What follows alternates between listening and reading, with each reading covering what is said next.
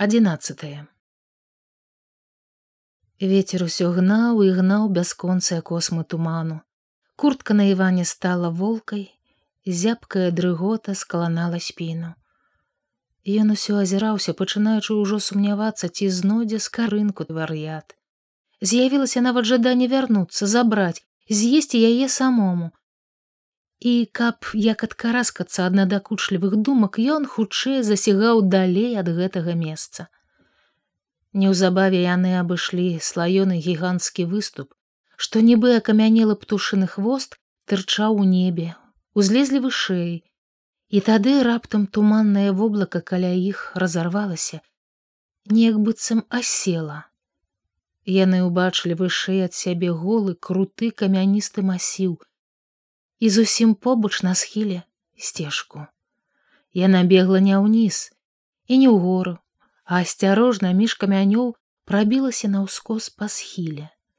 Была яна не дужа прыкметная ў гэтым хаосе скал, але ўсё ж абое ўраз заўважылі яе і прыемна здзівіліся. Іван першы ступіў на яе, азірнуўся ўніз. Там між пасмаў туману таксама мільгалі змрочныя скалы, правалы, між іх дзе-нідзе праплывала шызая далячынь. У гарыш у высокім прысмужаным небе гарыў асветлены сонцам пярэсты густа аснежаны хрыбет. Праўда, калі хлопец прыгледзеўся, дык аказалася, што ў хрыбтоў там аж два. Дальні, магутны шырокі, падобны на сівую нерухомую мядзведзеву спіну і бліжні, зубчасты, трошкі прысыпаны снегам, які крайняю сваёй вяршыняй седлавінай ля боку упіраўся ў самае неба. Гэтае вяршэнне здавалася адсюль найбольшай, але Іван ужо ведаў такое шуканства гор. Калі самае бліжэйшае з іх здаецца і самаю высокай. Відаць, усё ж галоўны тут быў той, дальні, мядзвежы хрыбет. Думалася, што за ім ужо жаданая мэта іхных уцёкаў, партызанскі трыест. Задраўшы голаў, хлопец хвіліна ўглядаўся ў гору. У гэты парог на іх шляху ў будучыню. Вельмі хочучы ўпэўніцца, што пагоні тут ужо не будзе, што самае страшнае яны пераадолелі, што людзі цяпер ім не сустрэнуцца. Цяпер ім супрацьстаяла толькі прырода, для змагання з якой трэба адно болей сілы. Затым ён паглядзеў на прыціхлую таксама відаць агорнутую новым клопатам сваю спадарожніцу. Яна рухава жмурыла бухматыя вейкі, таксама узіраючыся ў снегавыя хрыбты.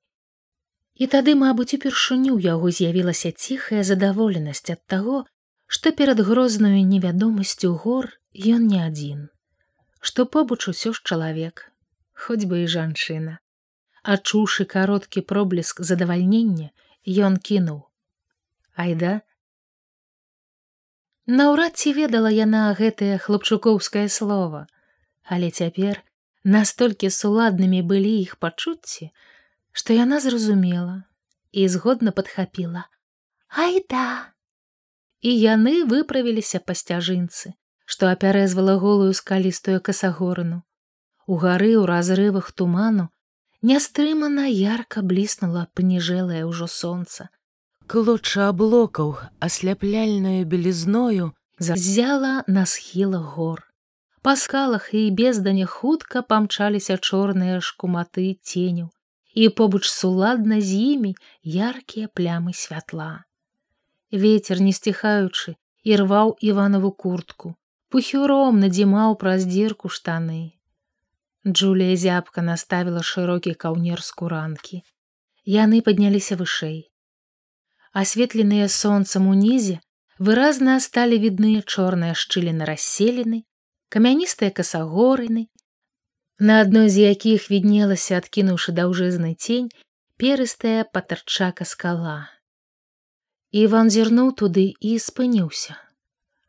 На тым месцы, дзе яны нядаўна сядзелі, сагнуўшыся нібы шукаючы штось у доле ды быў на сваіх тонкіх нагах вар'ят гёфтлінг глядзі ты прывязаўся траджака чалявек сказала Джулія.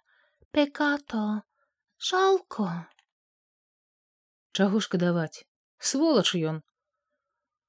Он хочет, руссо идет, но руссо бёзе, он бояться.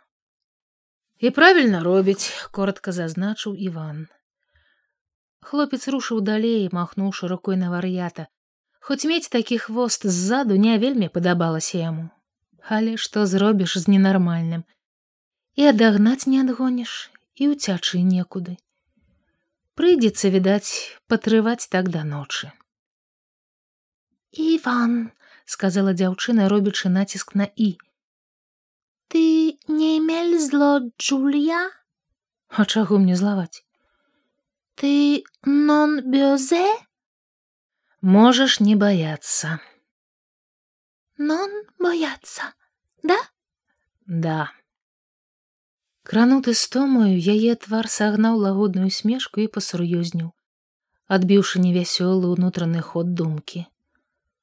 Джулія, русунон бояцца. Джулія, снег бояцца. Іван, ідучы наперадзе толькі ўздыхнуў на гэта. Сапраўды, снег і такі мізэрны запас хлеба ўсё болей пачыналі непакоіць яго. Хлопец падумаў, што трэба было ў лесніка прыхапіць яшчэ што і абавязкова абутак, бо голымі нагамі проста невядома, як было лезці ў снег. Але добрыя думкі, як заўжды, з'явіліся позна. Тады, вядома, яны не думалі, што дабяруцца да снежных вяршынь. Тады шчасцем здавалася выскачыць з жывым заблавы. І так дзякую аўстрыяку, каб не ён, хлеба яны не мелі б. Іван хутка сігаў па сцяжыне. Збоч ярка свяціла, не грэючы нізкае сонца. Па касагорні валакліся мільгалі дзве даўжэзныя да самага нізу цені. Суцяшаць угаворваць дзяўчыны ён не хацеў. Толькі і сказаў: куртка ў цябе ёсць чаго баяцца? Манто не чакай дзяўчына адчуваць было ўздыхнула і помаўчаўшы сказала рома джулія много мантоемель фірманто черна бела ён насцярожыўся і сцішыў крок. Што чатыры манто. Я? Фір манто. Четыре удакладніла яна. Ты что багатая? Яна засмяялася. О нан богата. Бедна. Полеціше гёфтлінг. Ну не ты бацька. Бацька хто твой? Баційка? Бацька ну айцец фатары хто ён а эль падре зразумела яна il padre комерсанто дырэторы фірма. Ён ціха прысвіснуў. Ну і ну, аказваецца з буржуяў. Не хапала яшчэ, каб гэты бацька аказаўся фашыстам. Вось была прагулачка ў альпах. Выбраўшыся да сваіх век не апраўдацца, падумаў ён і круто азірнуўся. Фатер фашыст. Сі, фашысто, просто адказала Джулія, жвава зірнуўшы ў яго пасуравелыя вочы. Начальнік міліто. Яшчэ лепш. Чорт ведае што робіцца на свеце. Як казаў той жук кінеш палку ў сабаку трапіш у фашыста. Ну і еўропа. Ён саступіў на край сцежкі даў дзяўчыне параўняцца з сабой.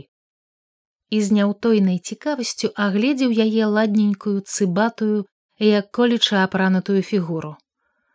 Але дзіўная справа. Гэтае стракатае шчугога пляча ўбранне усёй сваёй недарэчнасцю не магло зацьміць яе маладой прыроднай статнасці і пекнаты якая праглядвала ва ўсім. І ў гнуткасці рухаў і ў ласкавай прыгажусці твару і ў звычцы трымаць галаву з годнасцю і грацыяй. Яна пакорліва аддана паглядвала на яго. Руки трымала са шчэпленымі ў доўгіх рукавах скуранкі і прывычна ляскала па сцяжынцы сваімі нязграбнымі клумпес а ты што ж таксама можа фашыстка? З абвостранай унутранай чуйнасцю да яе запытаў іван. Дзяўчына з прытоеным папрокам кальнула яго вачыма. Джулія фашыста джулія камуніста аб'явіла яна з даўно усвядомленай гордасцю ты? Я? Брэшаш пасля паўзы недаверліва сказаў ён якая ты камуністка камуніста сі джулія камуніста што уступіла і білет быў о нон! Нон латысара няма білета фармальна нон моральменте камуніста а маральна маральна не лічыцца почему? Ён не адказаў што можна было сказаць на гэта наіўнае пытанне каб так кожнага хто сябе назаве камуністам і лічыць ім колькі б тады набралася такіх?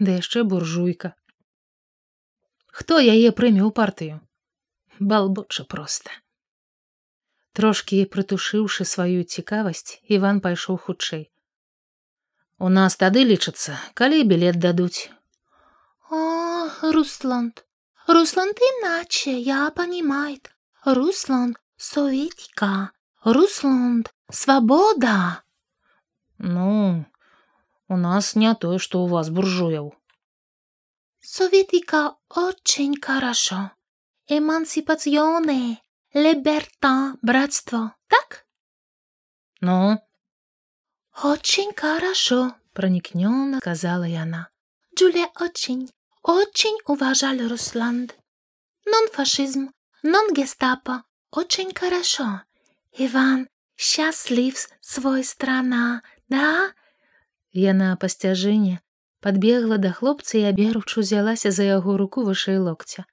Скажи, Иван, как до война жил? Какой твой деревня? Слушай, тебя, сеньорине, девушка, любил? Раптам запытала яна з гуллівай адданасцю заглядваючы яму ў заклапочаны твар. Іван ніякавата лыпнуў вачыма, але рукі не адабраў. Ад яе пяшчотнай блізкасці ў яго ўнутры зашчаміла непрывычнай лагоднасцю. Якая там дзяўчына, не да дзяўчат было. Почему так? Так. Что? Плохо жиль? Почему? Ён схапіўся, што сказаў не тое. Пра сваё жыццё ён не хацеў ёй гаварыць. Так, рознае было. Ой, неправда говорил, хитровато скосила яна на яго зіркастыя вочы. Любіль много, сеньорина. Куды там? Какой твой провинция? Какое место ты жил? Москва, Киев? Беларусь. Беларусь. Это провинция такой? Республика. Республика? Это хорошо.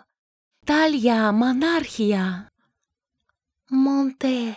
Горы. Есть твой республика? Не, гор няма. У нас болей лясы, пушчы, рэкі, азёры. Азёры самыя прыгожыя. Міжвольна аддаючыся ўспамінам загаварыў ён. Мая вёска цярэшкі, якраз ля двух азёр. Калі ў ціхі надвячорак зірнеш, не шалохнецца. Былі стэрка. І лес вісіць уніз вяршалінамі, як намалёваны. Адно рыбах плешчацца. Шчупакі во, што там горы. Ён сказаў адным разам занадта многа для свайго негаваркога характару. Адразу ж адчуў гэта і змоўк. Але растрывожаныя яго думкі ўяўленні ўжо былі там, у родным далёкім краі.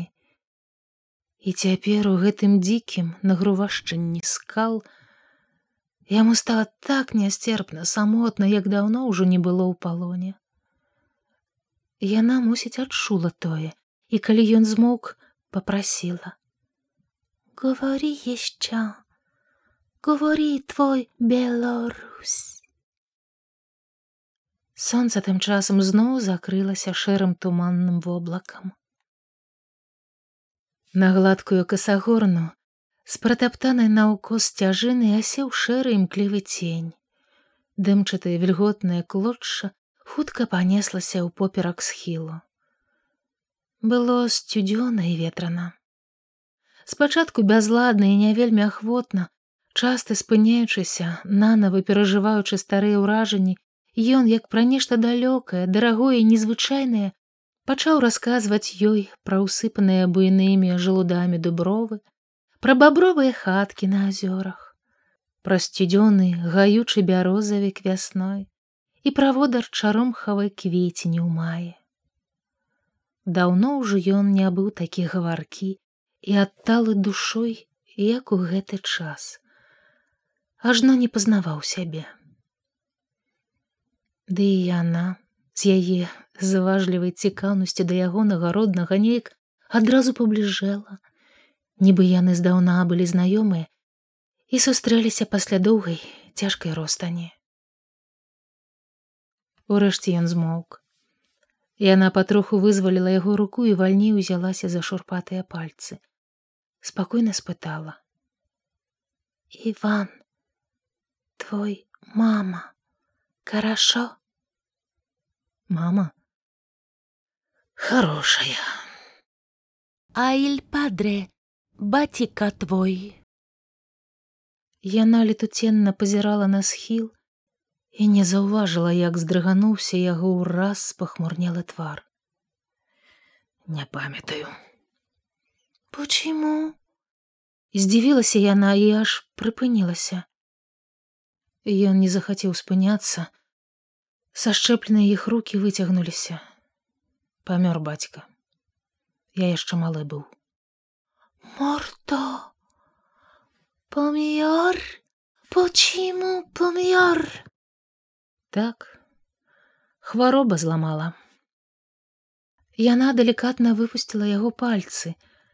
Зайшла крыху збоч чакаючы што ён скажа нешта важнае растлумачыць тое што не магла зразумець яна Але ён ужо ні аб чым не хацеў гаварыць.